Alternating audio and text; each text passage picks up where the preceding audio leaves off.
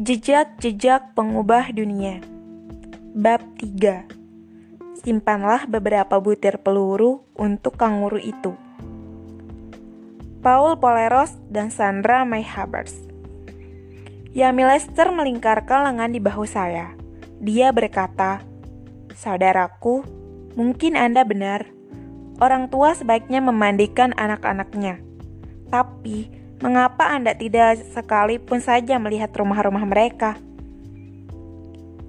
Paul adalah sosok pria berbadan tinggi besar dengan kedua mata yang besar, penuh senyum bersorot ingin tahu, jenggot abu-abu yang tebal, dan rambut yang berantakan. Ia adalah arsitek terkenal yang disegani di bidangnya dan mendesain rumah-rumah indah untuk kalangan kaya di Australia. Ia juga mendesain tempat-tempat peristirahatan yang inovatif serta bertanggung jawab terhadap beberapa lingkungan di Guatemala dan Cina. Paul mengajar di Universitas Sydney, tapi yang paling penting, Paul adalah salah satu pendiri Health Habitat, suatu organisasi yang didedikasikan untuk kesehatan lingkungan hidup. Ada tiga direktur dalam organisasi ini, yaitu seorang dokter, seorang antropolog, dan Paul sendiri yang bekerja tanpa dibayar meskipun pekerjaannya menghabiskan waktu tiga bulan dari waktu mereka selama satu tahun. Inilah pekerjaan yang paling membanggakan bagi Paul. Bahkan, dengan kreativitasnya, Paul sudah berhasil memperbaiki lebih dari 5.000 kamar mandi di rumah-rumah penduduk suku aborigin sejak tahun 1985. Atas kerja inilah, Paul dan kelompoknya menerima Facilis Goethes Prize perdana dari The International Union of Architects sebagai penghargaan atas perjuangannya memberantas kemiskinan. Namun, seperti yang Paul katakan, semua ini berkat bantuan seorang mentor tunanetra bernama Yami Lester yang membuatnya mampu belajar untuk melihat. Di gurun sentral Australia dekat Uluru, dulu dikenal Ayers Rock, semua ini berawal. Inilah sebuah tempat terpisah dari deretan rumah bertingkat di pinggiran kota, di pusat kota Sydney sebelah barat. Tempat Paul dibesarkan pada tahun 1960-an. Ia dijuluki Walk, sebuah istilah ejekan yang terkadang digunakan untuk menyebut orang-orang berlatar belakang keturunan Italia dan Yunani. Ayah saya berasal dari Yunani dan bekerja di pabrik es krim, dan ibu saya berdarah campuran Australia. Seperti anjing campuran lah. Jadi sebetulnya Paul berdarah setengah wok. Karena kakek dan neneknya yang imigran tinggal bersama keluarganya, ia tumbuh dalam rumah dengan bahasa Yunani sebagai bahasa kedua sehari-hari.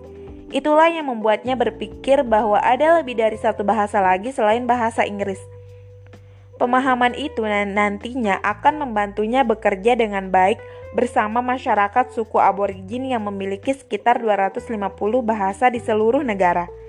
Tetapi, bagi kebanyakan orang Australia, wawasan mengenai berbagai bahasa lain pasti dianggap sesuatu yang asing. Makanan dan budaya yang Paul temui sehari-hari pun juga dianggap asing, tapi tentu saja semua itu menjadi alami bagi Paul. Saat dibesarkan di dalam sebuah rumah bersama orang lain, anda mungkin tak tahu letak perbedaannya. Saya hanya menganggap jika ada tiga generasi dalam satu rumah, pasti ada berbagai bahasa yang diucapkan. Namun, anggapan itu berubah saat untuk kali pertama Paul bersekolah. Ia belajar bahwa latar belakang keluarganya ternyata tidak sama dengan teman-teman lainnya. Untungnya, sang bunda selalu membuatkan bekal makan siang berupa makanan asli Australia, dan ia jarang sekali menerima cemoohan bahkan setelah tumbuh tinggi besar. Bertahun-tahun kemudian, Paul jauh lebih menghargai perbedaan di dalam rumahnya. Ketika Anda menyadari perbedaan yang ada, itulah suatu kekayaan terbesar. Saat Anda sedikit banyak akan tahu tentang bangsa lain dan ada banyak cara lain untuk memandang dunia. Seperti Will dan Flor di Amsterdam yang telah saling mengenal sejak kecil, Paul juga bertemu dengan gadis yang kelak menjadi istrinya, Sandra Mayhabers, saat mereka berdua masih muda. Setelah mengikuti pelatihan sebagai dokter gigi, Sandra bekerja di bidang kedokteran gigi, sedangkan Paul bekerja di bidang arsitektur. Sekarang, sebagai seorang konsultan kesehatan gigi, Sandra telah lama bekerja sama dengan masyarakat aborigin, sekaligus menciptakan program pelatihan kebersihan gigi di Nepal dan Timur Timur, sekarang Timor Leste. Sandra lah yang kali pertama mengajak Paul mengunjungi daerah Australia Tengah. Namun, sebagai seorang remaja putri, ia hanyalah seorang gadis yang Paul lihat tapi jarang terlibat obrolan dengan Paul. Kami bersekolah di tempat yang berlainan, tapi kami selalu naik kereta api yang sama setiap hari. Di situlah kali pertama kami bertemu, sekitar tujuh tahun kemudian. Menjelang akhir masa kuliah, hubungan yang terjalin di antara kami pun mulai berubah. Dari yang dulu hanya sekadar tahu bahwa orang itu ada, berubah menjadi suatu hubungan kebersamaan dalam arti yang lebih resmi, kata Paul sambil tertawa, atau malah tak resmi. Ketika Paul sudah mendekati tahun terakhir di SMU, ia merasa tidak yakin apa yang sebaiknya dipilihnya untuk sebuah karir. Tidak ada petunjuk sedikit pun, tetapi saya suka sekali menggambar sejak berumur lima tahun, dan nilai-nilai matematika saya selalu bagus. Jadi, ada seseorang, saya lupa siapa dia, yang menyarankan untuk mengambil jurusan arsitektur. Saat itu, saya bahkan tidak paham apa itu arsitektur. Pada masa itu, belum ada program bimbingan karir, bahkan tidak ada seorang pun di keluarga saya yang melanjutkan ke perguruan tinggi. Pada masa itu tahun 1971, Universitas identik dengan banyak biaya. Keluarga saya tak memiliki biaya. Untunglah, nilai-nilai saya pada ijazah kelulusan SMU memungkinkan saya untuk mendapatkan Commonwealth Scholarship atau beasiswa dari pemerintah negara persemakmuran. Maka, pilihan untuk melanjutkan studi ke universitas pun tiba-tiba menjadi nyata. Dengan senyum lebar, Paul mengenang percakapannya dengan sang ayah, seorang imigran Yunani saya ingat, saya pernah bertanya kepada ayah saya, "Apa pendapat ayah?" Dan dia balik bertanya, "Apa pendapatmu?" Saya jawab, "Saya tak tahu." Dia balik menjawab, "Saya juga tak tahu." Benar-benar diskusi yang menakjubkan. Lalu ayah menyeletuk, "Nah, kenapa tidak?" Jadi, akhirnya aku mengambil jurusan itu. Setelah melalui minggu pertama di sekolah arsitektur, saya selalu ingat saya pernah berpikir bahwa jika ini yang mereka anggap sebagai suatu pekerjaan, maka artinya saya telah berhasil mendapatkan jackpot. Sejak hari itu, saya bahkan tidak pernah menganggap apa yang saya lakukan ini sebagai suatu pekerjaan. Seluruh mata kuliah di universitas ini benar-benar fantastis bagi saya. Tanpa saya benar-benar mengerjakan apa yang saya cintai. Ini bukan sesuatu yang saya rencanakan, ini bukan sesuatu yang berdasar pada keahlian atau kecerdasan saya. Semua ini murni keberuntungan saya. Seperti sang suami, pilihan karir Sandra pun sepertinya tak disengaja juga. Menurut Sandra, minatnya pada ilmu kedokteran gigi berasal dari perasaannya saat ia naksir seorang pria yang berkencan dengan kakak perempuannya. Katanya, keadaan tersebut dapat diringkas dalam satu kata yang membuatnya tertawa. Tergila-gila.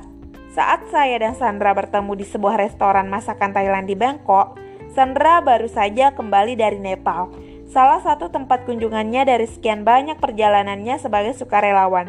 Seperti Paul, dia mendedikasikan sekitar 30% keahlian profesionalnya untuk pekerjaan tanpa gaji. Ada seorang pria yang menyukai kakak perempuan saya, Sandra bercerita, dan saya tujuh tahun lebih muda darinya, menyukai pria yang sama. Dia baru saja mendapatkan gelarnya dari kedokteran gigi. Saat itu, saya harus mengisi formulir pendaftaran untuk masuk ke sebuah perguruan tinggi. Saya hanya belajar empat mata pelajaran saja semasa bersekolah. Bahasa Inggris, matematika, sains, dan bahasa Prancis. Dan saya mendapat nilai cukup tinggi untuk semua mata pelajaran tersebut. Jadi, tak ada arah yang jelas ke mana saya sebaiknya melangkah. Pria ini pun bertanya, apa yang akan kamu ambil? Jawab saya, saya tak punya rencana sedikit pun. Yang saya tahu, saya tidak ingin bekerja di bidang obat-obatan karena pada masa itu semua orang pasti berpikir bahwa untuk bekerja di bidang itu Anda harus mengambil kuliah ilmu kedokteran. Jadi, jika semua orang mengambil jurusan itu, saya tak akan ikut-ikutan. Pria ini menyarankan, kamu pasti akan menyukai ilmu kedokteran gigi dan kata kunci yang dia ucapkan adalah saya bisa, independen. Paul mengakui bahwa ia masih punya keping keberuntungan yang lain yang didapatkannya di perguruan tinggi. Keping keper, keping keberuntungan itu menjadi hal yang sama penting saat ia menjatuhkan pilihan untuk mengambil jurusan ilmu arsitektur, yakni memulai hubungan abadi dengan Sandra. Dan keping keberuntungan lain adalah saat ia dan dua teman kuliahnya mengambil sebuah keputusan. Dalam tahun keempat kuliahnya, ada suatu kewajiban bagi seluruh mahasiswa arsitektur untuk melakukan praktik langsung di tengah masyarakat selama satu tahun.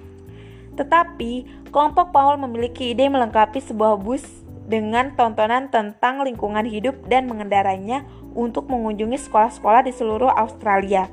Mereka mengajarkan apa yang telah mereka pelajari di universitas tentang isu lingkungan hidup yang bahkan minat terhadap hal ini sudah muncul dengan kuat pada tahun 1974. Meskipun mungkin terdengar seolah-olah ia sudah bersandar pada sifat mendahulukan kepentingan orang lain, dengan gaya memprotes diri sendiri yang tak dapat ditiru, Paul menanggapinya dengan berbeda. Itu hanyalah suatu cara untuk menghindari pekerjaanku yang sesungguhnya di kantor selama satu tahun, katanya. Ia dan teman-temannya mengajukan usulan cadangan. Reaksi para dosennya pun bermacam-macam. Beberapa staf menganggap ide itu sebagai bentuk penipuan. Beberapa menganggap ide itu memang radikal, tetapi bagus.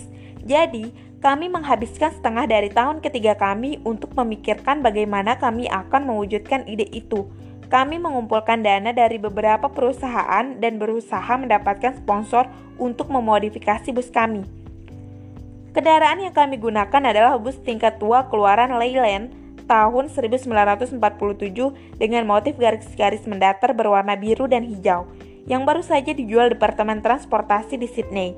Kami membelinya dengan harga 600 dolar Australia. Bus itu sudah digunakan hingga sejauh 2 juta mil. Kami menghabiskan satu jam dari jam-jam belajar kami pada tahun ketiga kuliah untuk menyempurnakan bus kami. Kami menambahkan dapur di salah satu sudutnya, sebuah kamar gelap untuk fotografi dan sebuah toilet. Kami memulai perjalanan kami pada awal tahun 1974 dan menghabiskan 10 bulan untuk menyusuri sisi tepi benua Australia dengan cara berlawanan arah jarum jam. Mereka mengunjungi setiap tempat, kecuali pusat negara tersebut, tempat pekerjaan Paul dengan Health Habitat akan dimulai. Mereka mengunjungi sekitar 85 sekolah. Namun bagi Paul, perjalanan itu memberikan pelajaran tersendiri untuknya bahwa seseorang dapat melakukan apa saja jika dia bersedia meluangkan waktunya. Saat pertama kali kami memulai, orang-orang menganggap usaha kami tidak masuk akal. Lalu, mereka pun berpikir tak seorang pun akan tertarik, tetapi semua ternyata salah. Jadi, jika Anda memiliki suatu rencana, lakukan saja. Itulah bagian terpenting dari rencana Anda. Sebuah kenyataan akan tumbuh dalam diri Anda bahwa terkadang Anda memang memerlukan sebuah rencana yang tidak disarankan universitas Anda, profesi, atau berbagai kekuasaan. Anda harus membuka jalan sendiri bersama orang-orang yang melihat permasalahan yang sama. Para pemegang kekuasaan, birokrasi, dan lembaga tak akan pernah membuat keputusan seperti itu. Perjalanan itu mengubah cara pandang Paul terhadap negaranya sendiri. Bagi anak laki-laki dari masyarakat kelas menengah yang tak pernah sekalipun keluar dari Sydney, pemandangan yang beragam dan luas akan memesona. Lebih penting lagi, itulah masa-masa awal perkenalannya dengan penduduk aborigin Australia karena banyak anak penduduk asli yang bersekolah di beberapa sekolah yang dikunjunginya. Itu terjadi hanya sekitar tujuh tahun setelah referendum yang memutuskan pemberian status kewarganegaraan untuk penduduk aborigin. Jelas-jelas menyakitkan bagaimana suatu perbedaan terjadi di dunia yang kita kenal ini. Ada perbedaan cukup besar antara daerah pedesaan dan perkotaan, tapi itu adalah masalah lain lagi. Seperti yang ia katakan, keberuntungan berpihak kepadanya. Bahkan saat bersama Sandra, meskipun mereka berpisah untuk menyelesaikan kuliah masing-masing, Sandra pun menyadari bahwa ia tidak ingin bekerja hanya demi mengumpulkan uang. Jadi, saat melihat kesempatan untuk menjadi sukarelawan di Darwin pada akhir tahun kuliah, ia pun segera mengambilnya. Dalam beberapa hari, saya sudah berada di dalam pesawat terbang kecil yang membawa saya menuju kediaman masyarakat aborigin bersama seorang dokter gigi yang sudah berpengalaman selama 15 tahun. Sambil membawa tas kecil berisi peralatan, Akhirnya kami terdampar di teras rumah sakit misi Katolik. Di teras rumah sakit misi Katolik. Sandra menganggap semua itu menakjubkan. Saya berpikir, apakah saya dapat melakukan semua ini dengan hanya berbekal ilmu kedokteran gigi? dan sekarang saya terlibat di dalamnya. Maka, sesuai apa yang Paul katakan, Sandra pergi menuju arah tujuannya sendiri dan saya pergi ke arah tujuan saya sendiri. Tapi, kemudian saya berhasil mendapatkan bantuan dana dari The Australian Art Council untuk membangun beberapa patung besar untuk diletakkan di beberapa tempat terbuka di daerah atas Australia. Semua itu berakhir di Darwin. Hanya karena saya bangkrut dan tak dapat pulang ke Sydney, dan Sandra sudah berada di sana untuk sementara waktu. Maka, Akhirnya kami bertemu di Darwin. Itulah titik kunci dalam kisah perjuangan kami itu. Semua itu berarti hubungan mereka, sekali lagi, menjadi resmi atau tak resmi. Namun, mereka ingin menjalaninya, membayangkan bahwa seharusnya menggunakan gelar arsitekturnya. Paul akhirnya juga mendapat kerja praktik di Darwin. Hal itu terjadi tak lama setelah terjadi topan badai pada akhir tahun 1974. Cukup banyak pekerjaan yang harus dilakukan saat itu. Tentunya bukan untuk mendesain tapi untuk membangun kembali rumah-rumah yang hancur yang justru menjadi suatu pengalaman gemilang bagi seorang arsitek muda. Karena itu, berarti Anda sering bekerja bersama para pekerja sepanjang waktu. Hal itu memberi suatu apresiasi yang fantastis dari hanya sekadar membangun. Itu berlangsung selama satu setengah tahun. Lalu kami harus berangkat ke luar negeri seperti yang selalu Anda lakukan. Anda keluar dari Australia dan kehabisan uang lagi di Yunani membayangkan bagaimana kami dapat pulang ke rumah. Lalu kami berpikir Inggris. Orang-orang di sana berbahasa Inggris. Meskipun Sandra berpikir lain tentang apakah semua keputusan mereka berdasar atas kondisi kehabisan uang atau tidak, yang jelas mereka berdua akhirnya tinggal di Inggris. Sandra bekerja di bidang pembedahan gigi dan Paul bekerja untuk perusahaan arsitektur besar. Perusahaan dengan para direktur yang sudah tua dan kolot kisah Paul, dan saya dianggap sebagai penjajah baru yang tidak tahu apa-apa. Mereka bukanlah sosok seperti yang digambarkan dalam model London pada tahun 1970-an dan 1980-an. Mereka hanya suka mendirikan bangunan-bangunan yang bagus dan kukuh. Sangat banyak hal yang saya pelajari dari mereka. Mereka memberi saya berbagai kesempatan yang saya sendiri tidak akan pernah memberikannya kepada seorang arsitek junior dalam praktik saya sekarang saya tidak akan seberani mereka. Jika semua ini merupakan sebuah drama tentang perjalanan sang pahlawan, mungkin kisah ini bisa dianggap sebagai babak pertama. Saat seluruh keahlian dan pengalamannya diasah oleh berbagai nasib yang dialaminya, menggunakan bus berkeliling negara untuk mendapatkan sekilas kisah masyarakat aborigin, membangun kembali rumah-rumah yang rusak setelah topan badai di Darwin, lalu mendapatkan pengalaman kerja padat karya di Inggris. Karena keahlian praktis yang cerdas seperti ini digabungkan dengan pemahaman atas sebuah masyarakat, akan menjadi apa yang dibutuhkan Yami Lester dan masyarakat di dekat Uluru. Maka mulailah babak kedua. Paul dan Sandra pulang kembali ke Sydney. Sebagai seorang ikonoklas, Paul memutuskan untuk memulai praktik swasta sendiri. Namun, ternyata tidak mudah mendapatkan klien. Karena pergi lama, saya tidak punya nomor kontak sama sekali di sini. Jika Anda tidak berasal dari lingkungan sosial tertentu, yang orang tua atau teman-teman Anda juga membangun atau merenovasi rumah-rumah, di situlah kesempatan pertama Anda mendapatkan pekerjaan di bidang bangunan. Tapi, jika beruntung, Anda tersandung dan mendapatkan pengacau pertama dalam pekerjaan Anda. Paul bekerja serabutan untuk memenuhi kebutuhan. Ia mengajar di universitas dengan berbekal keahlian menggambar. Ia menggambar grafik, kartun, dan mengerjakan gambar lainnya. Ia bahkan bekerja di areal bangunan sebagai buruh seperti Howard Roark, seorang arsitek nonkonformis dalam novel fiksi The Fountainhead. Saya kerjakan semua sehingga saya tidak harus melakukan pekerjaan arsitektur yang menyebalkan itu. Ajaran itu berasal dari salah satu dosen saya. Dia pernah berkata, "Berusahalah dan jangan lakukan pekerjaan yang tidak Anda sukai." Karena lima tahun setelah Anda lulus, pekerjaan apa pun yang Anda lakukan akan menjadi pekerjaan yang akan Anda lakukan selama sisa hidup Anda. Saya makin mendekati lima tahun itu dan saya pikir lebih baik saya menggali parit daripada melakukan pekerjaan yang tidak saya sukai. Sementara itu, Sandra mendapatkan pekerjaan sebagai dokter gigi di Aboriginal Medical Service atau layanan medis aborigin di Redfern, Sydney bekerja bersama tokoh aborigin bernama Naomi Meyers Dari pengalaman tersebut, Sandra mendapat tawaran untuk pindah ke Australia Tengah untuk bekerja sama dengan orang-orang Pitjat Jantara. Pitjat Janjara dan mempersiapkan laporan tentang apa yang dibutuhkan untuk kesehatan gigi mereka. Sandra mengadopsi gagasan itu. Paul berkata dengan penuh kekaguman bahwa dengan melakukan hal tersebut, Anda juga melakukan beberapa tindakan menghilangkan rasa nyeri atau perawatan dasar. Seperti Paul, Sandra juga penuh dengan semangat besar.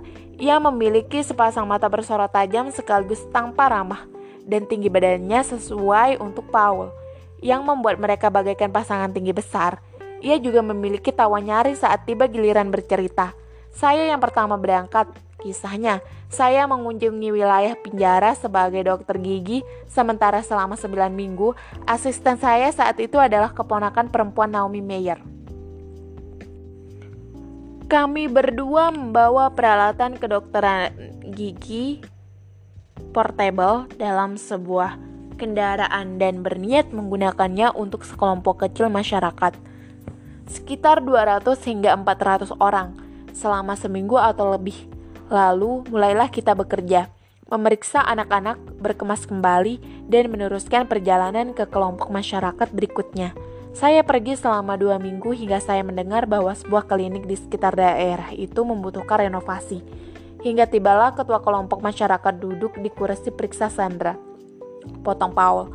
Setelah si ketua mengeluhkan bahwa mereka tidak mampu mendapatkan seseorang untuk datang dan melakukan pekerjaan semacam itu, Sandra bergurau, "Oh, suami saya seorang arsitek." Dan orang itu langsung berkata, "Oke, saya akan menghubunginya." Pria itu hanya mengerti dua kata bahasa Inggris dan saya sama sekali tak paham bahasa penjara. Pada masa itu, hanya ada telepon radio yang sulit terdengar dengan jelas dan membutuhkan waktu berjam-jam untuk mendapatkan sambungan. Jadi, begitu pria ini menghubungi saya, saya mendapat jawaban, oke, okay, setiap 15 kata yang saya ucapkan. Namun sekitar seminggu kemudian, saya menerima selembar tiket pesawat. Saya pikir saya tidak tahu apa yang dia inginkan untuk saya kerjakan, tapi saya akan mencobanya. Saya merindukan Paul, kenang Sandra, maka saya melakukan kesepakatan dengan ketua. Paul akan datang serta melakukan pekerjaan itu dan mereka yang membayar tiket pesawatnya. Itu merupakan suatu kesempatan untuk bertemu kembali selama beberapa hari, Sandra tertawa. Mungkin semua itu didorong perasaan rindu pada Paul lebih dari segalanya. Pada saat Paul tiba di sana, Sandra telah berpindah lagi ke kelompok masyarakat berikutnya. Namun, perasaan rindu mereka terbalaskan karena mereka mengatur untuk saling bertemu di sela-sela pekerjaan. Paul mengerjakan sketsa desain penambahan untuk klinik tersebut dan dimulailah pekerjaannya di daerah yang belum beradab. Banyaknya orang-orang yang mengerumuni benar-benar fantastis. Semua dimulai dengan Sandra yang pergi ke sana. Seperti saat Flor memuji Wilma dengan memberikan dukungan yang sangat diperlukan. Paul menambahkan bahwa Anda hanya dapat melakukan semua ini saat Anda memiliki pasangan yang memahami hal-hal yang Anda lakukan. Saya mungkin tak dapat melakukan apa yang telah saya lakukan selama bertahun-tahun jika saya tidak memiliki seseorang yang bersimpati pada apa yang saya lakukan.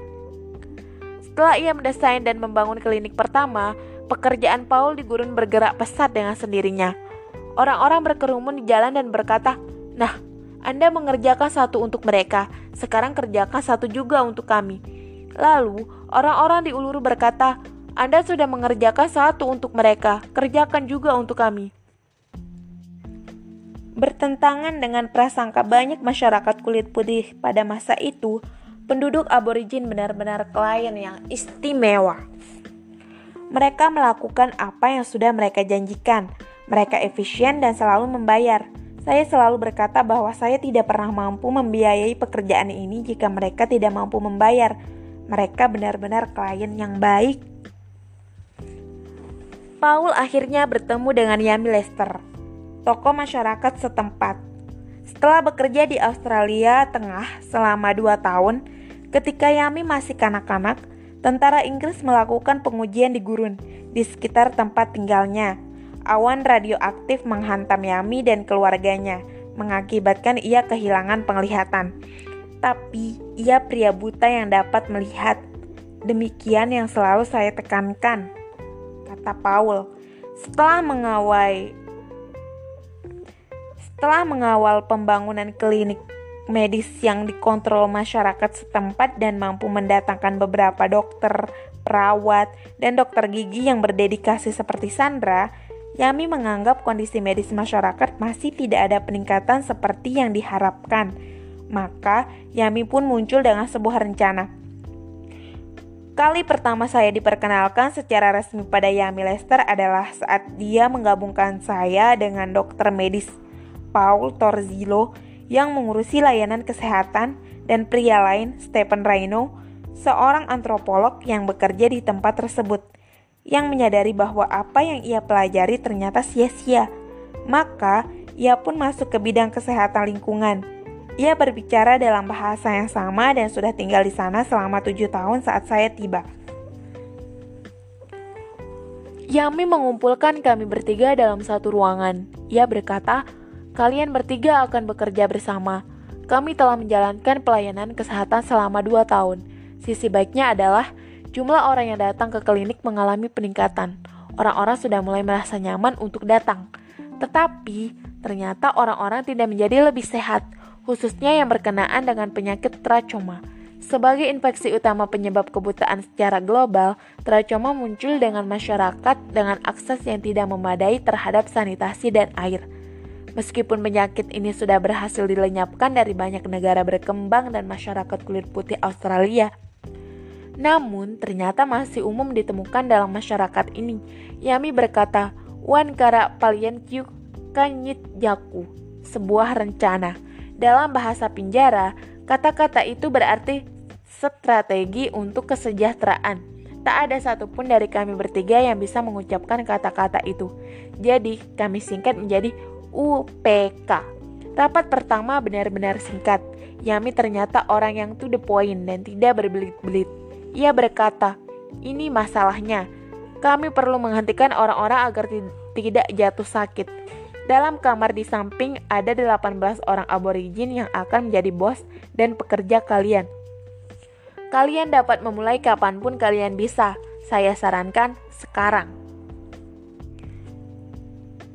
Yami jelas-jelas memiliki rasa humor karena ia berkata, "Saya tidak punya petunjuk apa yang harus dilakukan. Kami tidak punya uang sedikit pun. Kalian punya waktu enam bulan untuk membuat rencana. Setelah itu, kembalilah kemari." Tawaran seperti itu mungkin bukan merupakan ide bagus bagi setiap orang yang menginginkan suatu pekerjaan bagus. Bagi setiap orang yang menginginkan suatu pekerjaan bagus Paul baru dua tahun menjalani praktik arsitektur. Tidak ada jaminan biaya perjalanan atau gaji yang ditawarkan. Saat itu, kami memiliki banyak alasan bagus untuk menolaknya. Saya tidak sanggup tinggal di sana, dan Dr. Paul pun berpikir yang sama.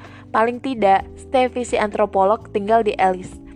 Saya ingat untuk mengatakannya kepada Sandra. Saya telah mendapatkan pekerjaan yang tampaknya sangat menarik. Ia menanggapi, "Bagus sekali. Siapa yang akan mendanainya?" Saya jawab, tak ada. Ia menanggapi lagi, fantastis, hebat, si pemenang. Begitulah. Selama beberapa bulan ke depan, Paul Torzillo, tim medis, mempelajari dan menentukan sasaran kesehatan. Memiliki pengalaman bekerja pada The Royal Flying Doctor Service, layanan dokter terbang kerajaan, dan kemudian bekerja sebagai dokter spesialis dada pada Royal Prince Alfred Hospital, Paul Torzillo disebut sebagai yang terbaik di Australia oleh Paul Poleros.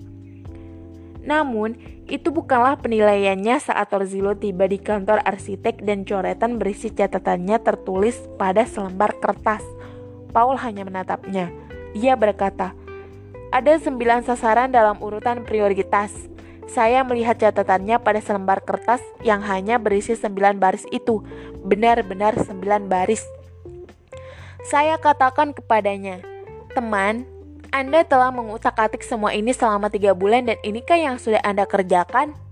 Sembilan sasaran tampaknya sederhana, yaitu memandikan orang, khususnya anak-anak, mencuci pakaian dan spray, membuang sampah dengan aman, meningkatkan asupan nutrisi, mengurangi dampak kepadatan penduduk, mengurangi dampak binatang, serangga, dan kutu, mengurangi dampak debu, mengontrol suhu badan, dan mengurangi trauma.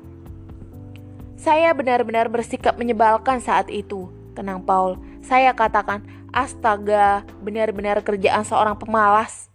Prioritas utama adalah memandikan anak-anak sekali sehari. Komentar saya, Anda tak dapat menyuruh saya memandikan anak-anak. Pekerjaan itu tak ada hubungannya dengan arsitektur. Biarkan orang tua mereka yang memandikan. Namun demikian, Torzilo berkata, Anda ternyata tidak terkesan. Mari datanglah ke kantor saya.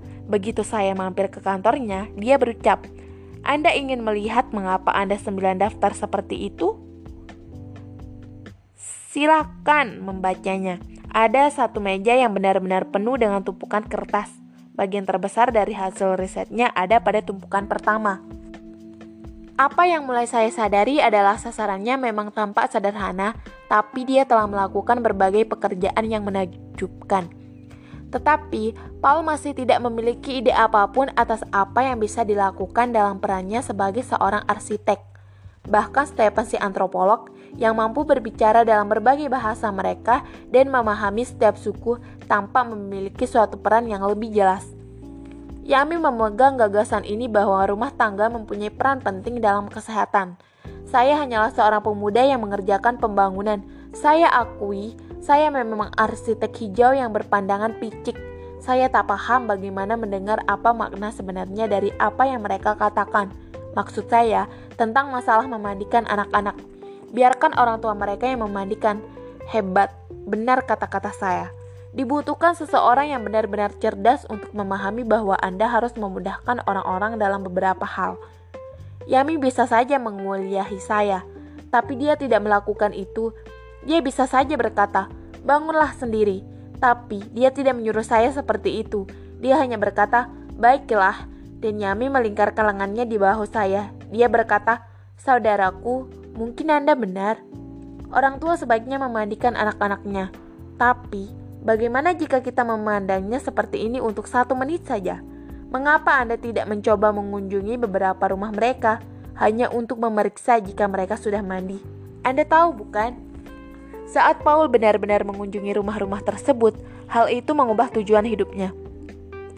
Saya masuk ke rumah pertama. Pemandangan langsung yang pertama bagaikan sebuah ketakutan bagi saya saat menyaksikan 20 orang harus hidup bersama dalam sebuah gubuk kecil yang tak memiliki fasilitas apa pun di dalamnya. Gubuk itu dibangun tak beraturan. Saya masih ingat bau air limbah yang meresap melalui setiap lubang gubuk itu. Tidak ada kamar mandi, tak ada keran air, tidak ada pipa air, bahkan tidak ada sambungan air untuk gubuk itu. Tidak ada apa-apa di dasar toilet. Toilet hanya dipasang di atas lempeng cor.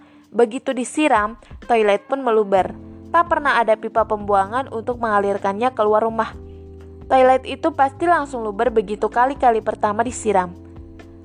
Karena toilet dan pipa pembuangan lain seperti bak cuci di dapur tak pernah dipasang pada pipa pembuangan yang tepat. Bak cuci bocor karena keran air pun berkualitas buruk. Kandungan garam dalam air merusaknya dalam beberapa minggu. Karena itu, keran air pun bocor dengan parah. Anda membuang apa saja bersamaan jika tidak ada tinja, air kotor yang sudah tersimpan sekian lama, lama-kelamaan meresap ke dalam rumah. Untuk menyempurnakan keheranan Paul atas sistem pipa saluran air yang buruk sekali itu, ia memperhatikan bahwa ada bahan padat yang dipasangkan pada jendela yang rusak, menyebabkan ruangan terasa luar biasa panas maka orang-orang yang tinggal di dalam rumah pasti memilih tinggal di luar, duduk di bawah pohon untuk mendinginkan diri.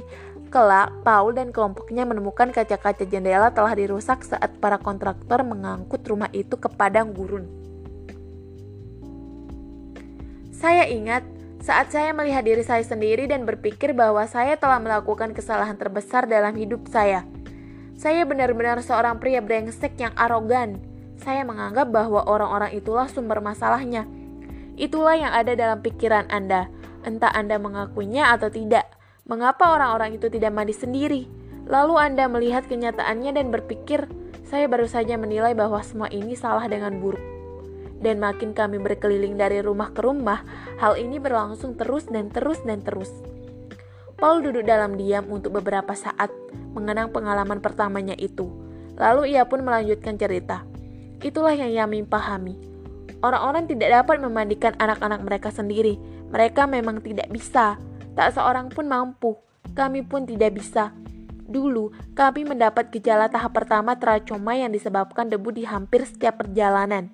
Jadi, kami hampir selalu pulang ke rumah dengan gejala awal ini. Kami tidak dapat menemukan keran, keran air untuk mencuci wajah saat kami tahu bahwa kami harus melakukannya agar terhindar dari teracoma. Kami kembali ke Sydney, mandi dan merasa segar, tapi jika Anda tinggal di sana, Anda tidak dapat seperti itu.